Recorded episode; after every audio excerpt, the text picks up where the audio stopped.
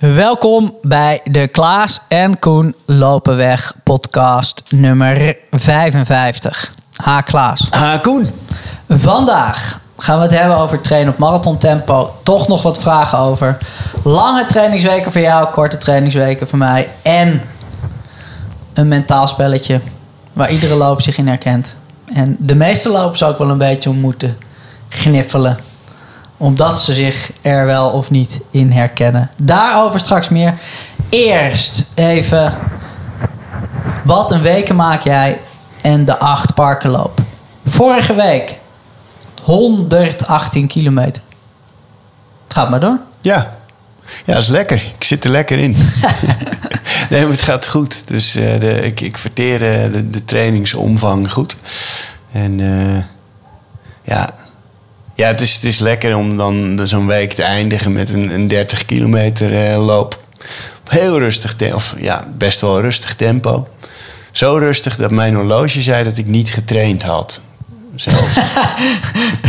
dat ik niet in een zone ben gekomen waar, uh, waar ik trainingseffect sorteerde. Nou ben ik dat niet met het horloge eens, maar... Uh, ik, ik ben al lang blij dat ik uh, die afstand kan lopen en dat mijn hartslag lekker laag blijft. En, en dat is een goed teken. En uh, ja, nee, gaat lekker. Dus ik, uh, ik ben heel tevreden. En ik, en ik geniet, geniet wel van het lopen ook. En was het een puzzel om acht parken te vinden in en om Amsterdam? Nee, ik heb inmiddels al zoveel van die parken lopen gedaan... dat ik heel makkelijk hier en daar een parkje erbij snij. Een bruggetje oversteek en uh, een park pak. En, en lang leven Strava, de routebouwfunctie is fantastisch. Dat is dat, uh, dan weet je ook ongeveer wel uh, of je op de gewenste afstand uitkomt. Bij ons kwam het erop neer dat we in het Vondelpark toch nog even een extra rondje moesten rennen. Toen ik zei, ik denk trouwens dat we op 29 uitkomen. Toen nam Marit heel doelbewust de kop over van het groepje en zei: Ik loop 30. en, uh, en, daar sloten uh, in ieder geval Hester en Roos trouwens, de dames, die waren daar het meest gedecideerd in zich bij aan. Toen zuchtte Koen Derks: Oké, dan doen we dat. En nou, toen hebben we het allemaal netjes afgemaakt. Het was heel gezellig. Echt een, een feest, zo'n lange duurloop. Het begon grauw en miserig. En op een gegeven moment heel even is, is er nog een zonnetje doorgebroken. Dus uh, ik heb ook nog even aan jou gedacht, Koen. Wat een gemis, dacht ik. Dankjewel. ja, want ik liep uh, 14. Maar ook in goed gezelschap. Ook in heel goed gezelschap. En uh, nou ja, dus het was niet volgens het schema, want in mijn schema uh, moest ik eigenlijk marathonvoltage doen. Maar uh, Clubpie kwam over de vloer Zoef, de loopgroep in Amsterdam Zuidoost, met de hele goede naam Zoef. Ja. Wat een afkorting is voor Zuidoost en verder. Dus uh, iedereen in Amsterdam Zuidoost en verder is welkom om aan te haken. En zij waren zondag op het clubhuis. En we hebben eerst even wat uh, gedaan met ademhaling, ademhalingsoefeningen. Daar heb ik wat over verteld, er wat over gedaan. En na uh, nou ja, dat verhaal gingen we 14 kilometer lopen door het Amsterdamse bos. Op ons gemakkie. En daarna is iedereen ook even in het ijsbad geweest. Oh, wat goed. Dus dat was een leuke zondagochtend. En um, ja, het is wel leuk met dat. Uh, want we hebben het dan over ademhaling. En een aantal van die groep die dacht van ja, uh, we gaan het dus hebben over ademhaling tijdens inspanning, over ademhalingsoefeningen die je tijdens het lopen kan doen. Ja, ja. En heel gericht op dat hardlopen. Maar um, natuurlijk uh, fiets ik ook mijn favoriete ademhalingsoefeningen er even tussen. De allersaaiste ademhalingsoefening die er bestaat. Namelijk dat je helemaal niet ingrijpt, helemaal niet iets doet. Maar in de driehoek je ademhaling gaat observeren. En dan mensen die vaker luisteren, die kennen hem al wel. Maar dat je in het driehoekige gebied dat begint tussen je ogen, je neusvleugels bestrijkt en het gebied boven je bovenlip. Dat je daar niet ingrijpt, maar gewoon je ogen dicht doet. En observeert wat doet je ademhaling in dat gebied. En nou ja, eh, deze saaie oefening blijft de oefening die ik verreweg het meest doe. Die ik iedere dag doe.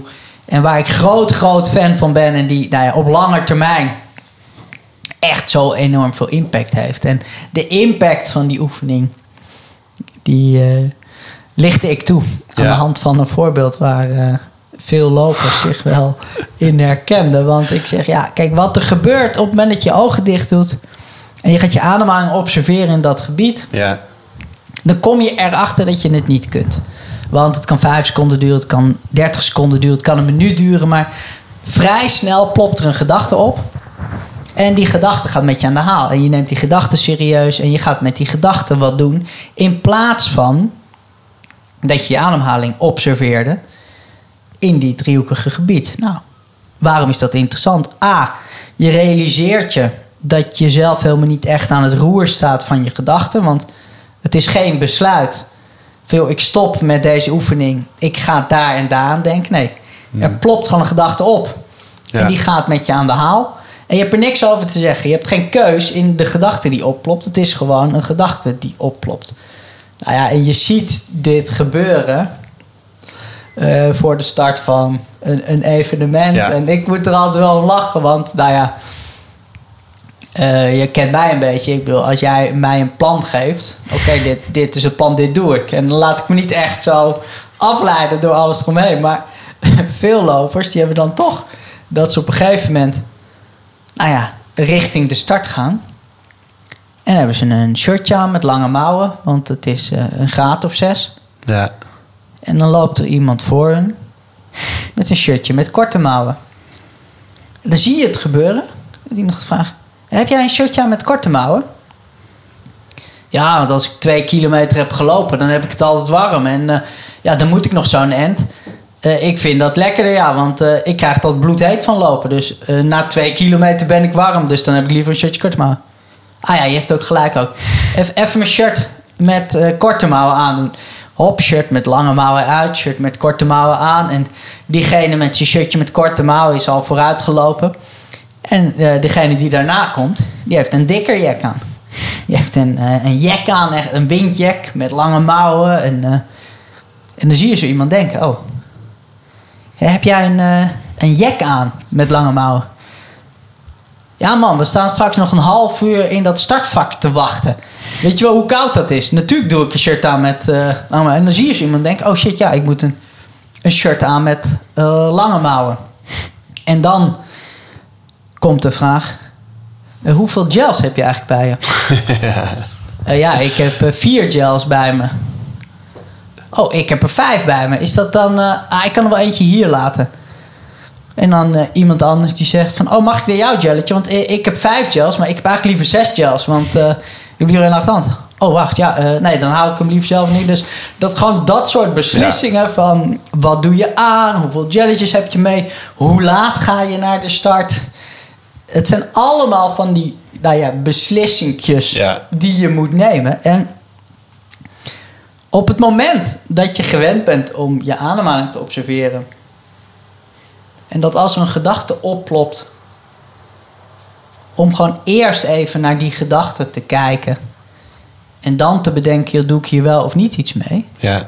Zijn er zoveel lopers geneigd om elke gedachte die opplopt, op dat moment serieus te nemen? Oh, als ik nu denk, ik sta te wachten in de kou, dus ik moet lange mouw aan. En de volgende gedachte die oplopt is, ja, maar na twee kilometer heb ik het dan misschien te warm. Dus ik moet korte mouw aan dingen. Ja, dan denk ik altijd, ja, maar ja, dit zijn toch allemaal dingen. Die heb je in een training vaak al honderdduizend keer gehad of bedacht. Eh, of je hebt al eerder een wedstrijd gelopen. Maar ja, die gedachten, die zijn het er niet mee eens. Want gedachten zijn dol op problemen. Dat brein wil het liefst problemen en problemen oplossen. En Ja. dat dat de hele dag doorgaat. Maar om je daarin mee te laten zul- zullen... Nou ja, A, het kost bakken met energie. B, je wordt er toch ook gewoon inderdaad een beetje zenuwpezig van. Dus Ja. om te oefenen. Van joh, dat wat er oploopt, ik hoef er niks mee te doen. Nou ja, dat is echt wel een zegen. Ja. Dat is echt eh, ja, de kracht van meditatie. En iets, maar ook, ja, het observeren van die gedachten kan ook goed tijdens een lange duurloop, vind ik. Ja. Ja, nee, maar het is ook gek wat, wat eh, wedstrijden met mensen doen. Echt eh, hartstikke slimme mensen die in het dagelijks leven op hoog niveau eh, allemaal hele doordachte beslissingen nemen. Daadkrachtig kunnen zijn. Niet van hun koers afwijken. Daar gebeurt van alles mee op het moment dat er een wedstrijd of aankomt. Weet je wel, het is ineens hevig beginnen te twijfelen aan het, schema waar ze mee bezig zijn. Of inderdaad eh, in het startvak ineens beslissen om, om toch niet op 4.15 weg te gaan, maar toch maar 4.10 te gaan lopen. Of, of ineens, nee, toch 4.30, want 4.15 lukt nooit. Er gebeurt van alles eh, blijkbaar met, eh, met een mensenbrein als er, als er, wat, als er een, een wedstrijd bij komt kijken. Ja. Interesting stuff. Het is goed, daar ging het over met de zoevers. Leuk. Voordat we even lekker een rondje gingen lopen. En eh, ja, was eh, een mooi ochtendje. Iets heel anders. De nieuwe Mystical Mouse eh, ploft deze week op de mat bij de abonnees. Het is weer een pareltje met een verrukkelijk omslag. Daar hebben we het vorige keer al over gehad. Jij wilt het even hebben over één column. Ja, ja, ja. De, de- ik kwam erop omdat ik ehm, eh, onze, onze Gees, Gees Voorhees, eh, die de illustraties eh, heeft gemaakt, ook voor op de cover, die had een heel leuk filmpje op Instagram. ehm, naar aanleiding van de column van Ernest van der Kwast. Hardloper en schrijver. En dan had ze zo'n poppetje, je kent het eh, waarschijnlijk wel. Je, hebt van die kartonnen poppetjes en dan kun je dan kledingstukken zo opzetten. En, eh, en de column van Ernest ging over verkleed, verkleden tijdens een marathon. Dus ze had, eh, had een, zo'n hotdogpak wat je dan op het poppetje kan zetten. En had ze een hele leuke eh, illustratie eh, van gemaakt. Als je het wil zien, ga even naar Mystical Miles, het, het Instagram-account. Dan eh, zie je hem in, in de stories, of bij Gees of bij Ernest. En, eh, maar goed, die column eh, die ging over, weet je wel, wat mensen zichzelf allemaal aantrekken tijdens een marathon. En ehm, ik weet dat daar onder lopers best wel sterke emoties over bestaan ook. Er zijn mensen die vinden dat echt bloedirritant. Dat eh, als zij dan heel hard hun best lopen te doen, dat er iemand in een, in een, neushoornpak eh, ook daar loopt. En, of in een Elvis-pak, en noem het allemaal maar op. Ik, en aan de aanleiding van die columns eh, ging ik bij mezelf na van... eh, wat, wat, vind ik hier, wat vind ik er eigenlijk van? En ik merk ook een soort antipathie jegens... Die, ik heb, weet je wel... Ik kom ze meestal niet tegen, want ze lopen niet heel... Nou ja, ze lopen een stuk langzamer vaak. Maar toch dat ik denk, wat, wat zou dat bij mij zijn? Dat ik het ook irritant vind als mensen verkleed gaan als de Big Ben. Of, eh, weet je wel, dat... eh, zou dat dan toch iets zijn dat ik vind dat ze die marathon niet serieus nemen? Of, ja... Misschien denk ik wel gewoon, het is zo leuk om een marathon te lopen. Waarom zou je het jezelf zo verschrikkelijk oncomfortabel maken? Ja. Vind jij er iets van? Nou, ik geloof niet dat ik er heel veel van vind. Ik zou het zelf nooit doen. Omdat ik vind het zelf wel een beetje flauw, denk ik, naar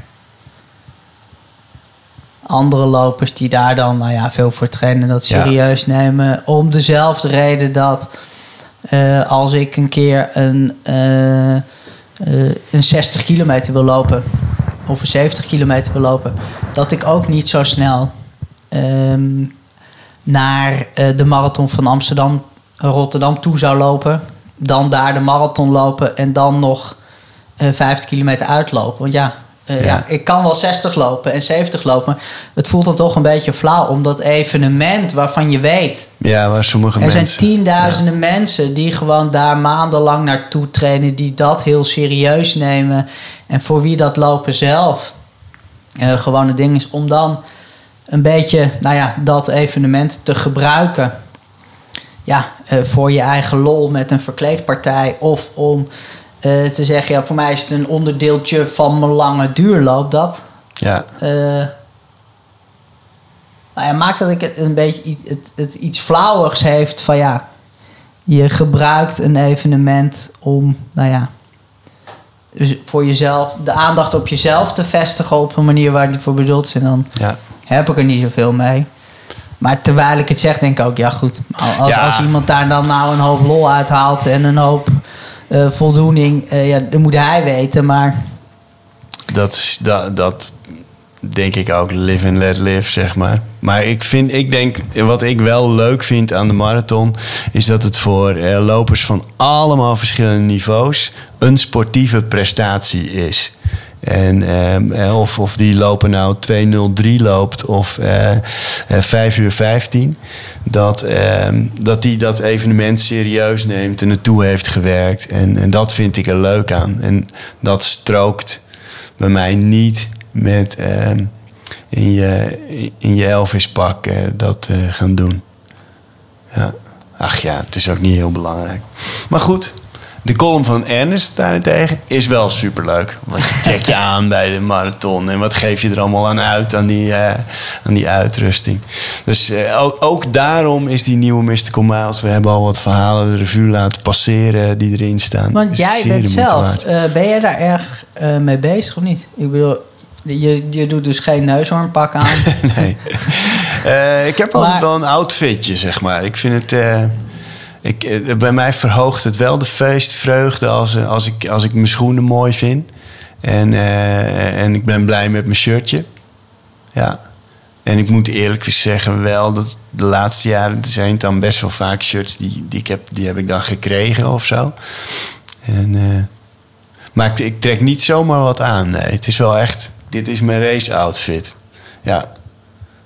Ja, dat is het ook. Zo'n marathon voor mij. Ik best wel wat gelopen. En het is toch ook. Ja, het is, ik, voor mij is het echt een soort feestdag, zeg maar. En eh, dan vind ik het ook leuk om een, eh, een, een kek pakkie bij aan te hebben. Ja.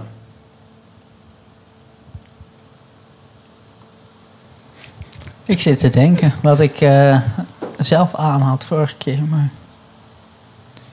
het is natuurlijk wel lekker als het gewoon goed zit en je vindt het een beetje leuk uitzien. Maar Ja, ja. is het belangrijk dat het hetzelfde merk is? Dat het shirt hetzelfde merk is als je broekje en of je sokken? Of zeg je dat maakt echt helemaal geen donder uit dan? Nee, dat Bij elkaar geraapt keren- merken zootje of niet als het op zich maar gewoon eh, lekker zit. Ja, nee, ik zit even te denken. De laatste. Ja, zo de, de laatste marathon was. in Berlijn. Ja, daar, maar ja, daar was ik met Adidas. Dus dan is het, dan is het heel simpel. Maar eh, Amsterdam had ik het, shirt waar eh, onze logo's op staan. En met een Adidas broekje en Nike schoenen, geloof ik. Dus, en Stans sokken. Dus, dus nee. Dus een bij elkaar geraapt zootje. Nee. Als het maar lekker zit. Ja, dat, moet het, dat staat wel voorop. Ja, dat is wel het belangrijkste dat het goed zit. Ik trek, niet iets aan wat er heel tof uitziet eh, terwijl het eh, niet lekker zit. Nee. Maar goed. Lees de column van Ernst. Ja. Dan eh, moet je sowieso lachen. Ja. En je was in de kerk. Ja, klopt, bij de ja. kerk. Het was ehm, via eh, Albert. Die is ook, eh, nou ja, ook aangesloten bij Kaboom. De man die in zijn eentje een marathon loopt in, eh, in de buurt van Eemnes.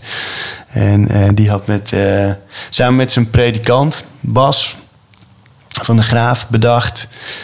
dat ze ook vanuit de kerk wel eens een keer iets, een soort themaavond wilden doen over alcohol. Over drinken en wat voor functie drinken inneemt in het leven. En nou ja, daar zit ik op, natuurlijk. Niet op het drinken, maar wel op het gestopt zijn daarmee en er met mensen over praten en mijn verhaal delen. En, eh, dus het, eh, ja, we hadden, ze hadden bedacht om dat, eh, die themaavond te laten aansluiten bij een kerkelijke periode, namelijk de vastentijd.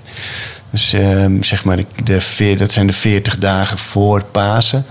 En dat is normaal een periode van bezinning. Een beetje ver- vergelijkbaar met wat de moslims met de Ramadan eh, eh, doen.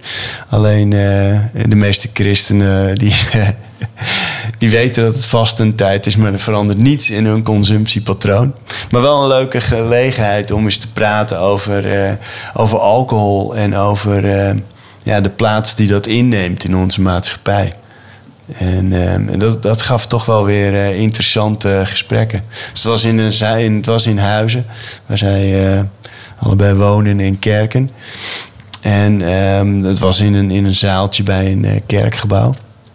Ik denk dat er nou, iets van 30 mensen waren. Echt, ja, een heel groepje uh, jonge, jonge gasten. Die nou, een beetje eindstudie, begin werkperiodes. Die zitten er vol in, zeg maar, in het feestelijke leven. En, uh, en ook wel wat volwassenen. En het zijn altijd waar ik dit soort gesprekken ook voer. Uh, aan het begin luisteren mensen naar mijn verhaal. Dat vinden ze dan best wel extreem. Maar hoe langer je praat en hoe meer openheid er ontstaat, zie je toch altijd dat iedereen heeft ervaringen met, uh, ja, met drankgebruik en drankmisbruik vaak ook. Iedereen kent wel iemand in zijn omgeving uh, waar het een probleem was. En uh, ja. En dat, dat levert altijd hele mooie, mooie gesprekken op. Als, als op een gegeven moment een soort vertrouwde sfeer ontstaat in zo'n ruimte. En mensen voelen zich vrij om, uh, om, om over dat onderwerp te praten. Dan, dan is het mooi. En, eh, dus ik, ik zal je even één ding illustreren. Ik, ik vertelde mijn verhaal en, over nou ja, dat ik, hoe ik gestopt ben en zo. En, en toen, bij heel veel mensen leeft het idee dat je dat je eigenlijk zou moeten willen uh, dat je weer kan drinken. dus, uh, en ik, want ik vertelde van, nou, hey, ik, ik geloof wel in een hogere macht. Ik geloof in spiritualiteit en daar ontleen ik kracht aan. En uh, toen op een gegeven moment vroeg iemand mij van, ja, maar als je die kracht ervaart, dan ben je toch ook sterk genoeg om weer te kunnen drinken. ik, was, ik moest echt even even mijn brein omdraaien om die uh, U-turn te kunnen volgen. En uh, toen dacht ik, oh ja, zo kun je er natuurlijk ook naar kijken. Maar dat, ik, dat vond ik heel uh, typerend over hoe we naar alcoholgebruik kijken. Het is een, weet je wel, dat het bijna noodzakelijk is om dat te kunnen doen, om een fijn leven te kunnen leiden. en ja, ik, ik hoop altijd eh, naar aanleiding van zo'n gesprek, dat mensen heel, eens nadenken van eh, wat voor functie heeft het voor mij? En eh, waarom kan ik niet dezelfde kick of voldoening of vreugde ervaren op een moment eh, met een glas water? Ik noem maar wat. Ik, en ik, daar merkte ik ook, als ik dat voorbeeld geef van een glas water, dan zie ik mensen echt denken: wat een hel, wat een saai leven. Dat is verschrikkelijk. En die gedachte moet je eens bij jezelf onder de loep nemen. Want weet je wel, de meeste mensen zullen zichzelf niet als een verslaafde zien. De meeste mensen vinden ook dat ze van één of twee glazen drank niks merken. Dus waarom moet het alcohol zijn wat je daar in dat glas uh, hebt om te proosten of iets te vieren? En uh, ja, dan kom je erachter hoe ingeburgerd het is. En ja, En goed, dus ik, het was, in ieder geval vond ik het heel leuk dat ze vanuit die kerk daar eens bij wilden stilstaan. En uh, ja, wie weet, heeft het weer mensen aan het, aan het denken gezet. Ik echt niet met de insteek dat mensen allemaal moeten stoppen met drinken. Maar ik denk dat het wel gezond is om eens bij stil te staan. Uh, van alle dingen die je tot je neemt. Wat voor functie heeft het? Ga daar maar eens op mediteren. Ik moet denken aan toen ik uh, wielrenner was in uh, Spanje. Ja. Dat Martinez, die won toen criterium internationaal van, uh, van Lance Armstrong. Ja.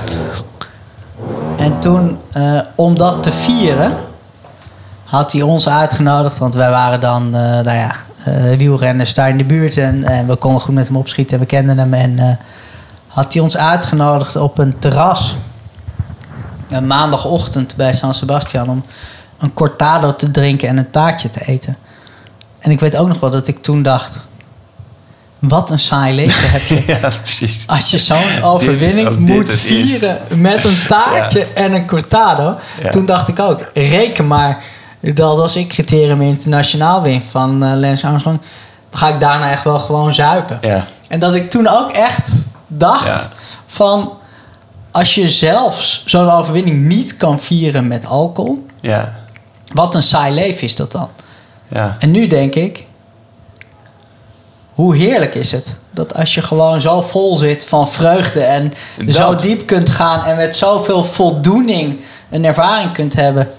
dat eigenlijk nou ja, de ervaring zelf de voldoening al is... en dat het vieren daarmee prima met een glas water kan. Want je hebt, nou ja, of de vreugde of de dankbaarheid of dingen. Eh, zit al in je lijf. En zo gauw als je gaat drinken, dan verdoof je ook eh, die vreugde en die dankbaarheid. Want het is wel gewoon echt een heftig goedje. Ja. Dus nu denk ik, van, ja, het is echt mooi om het Ja. juist daarbij te kunnen laten en daar je eh, voldoening uit te kunnen halen. Zonder dat je het ver- verdoezelt en eigenlijk, nou ja, een beetje ontkracht. Juist eerder misschien dan bekrachtigt met. Ja, ik wel, ook wel eens met hardlopers die eh, dat gesprek gehad. En die hadden het dan over hè, het finish biertje. Nogmaals, weet je wel, helemaal leuk dat je eh, het gezellig maakt nadat je eh, een run hebt gedaan of wat dan ook. Maar ik, zoals afgelopen zondag, we hebben met z'n zevenen gelopen, komen terug in de gym. We staan er nog even in dat halletje daar, weet je wel. Daar hadden we afgesproken. En de vreugde die er dan is, eh, dat, dat is gewoon, dat is zo ontzettend leuk. Er komt niks bij kijken. Of tenminste, er komt geen, geen enkele consumptie eh, bij kijken. Het is gewoon puur van, ja, wat lekker. We hebben 30 kilometer gelopen. En eh, er is vreugde genoeg van die stoffen die op dat moment allemaal door je, door je lijf en je hoofd gieren.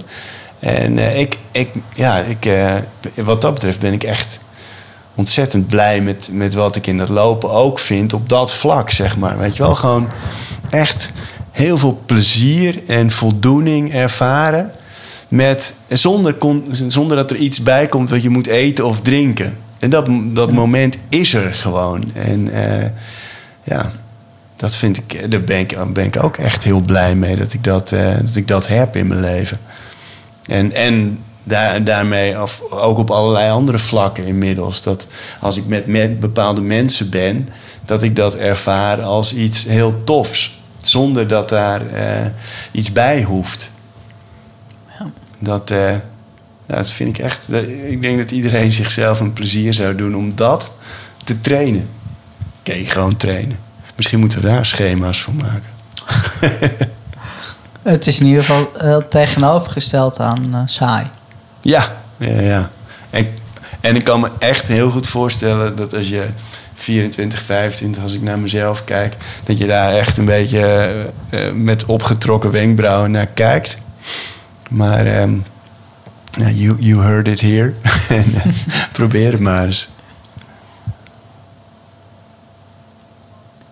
Ik was eh, in Brabant, Over drinken gesproken. over kerken gesproken. En de vaste tijd. ja, met Mark. Met Markje. Leuk, wat... eh, Ja, de aanleiding was van, nou ja, eh, de sportrust is nu al tien jaar bezig. Pro-run eh, hebben we, nou ja, nu dik drieënhalf jaar en dachten meer zoiets van, ja, het is, we, we zien elkaar natuurlijk vaak op het clubhuis en vaak met plans met aan het werk. Maar ik dacht, het is wel leuk om even gewoon eens met z'n tweeën, omdat dit, nou ja, al zo lang zo bezig is, om het gewoon is, om er eens even bij stil te staan en het te vieren dat we, nou ja, al zo lang samenwerken. En toen dachten we, we kunnen het vieren.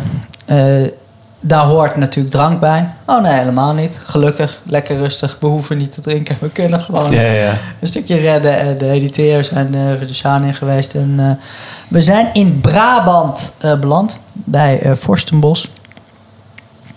En nou ja, vlak bij de Maashorst. Maashorst hebben we een wandelingetje gemaakt. En bij Forstenbos hebben we een rondje gelopen. En dat Brabant, dat begint toch wel steeds vaker uh, terug te komen. Ook in gesprekken en dingen. Dat...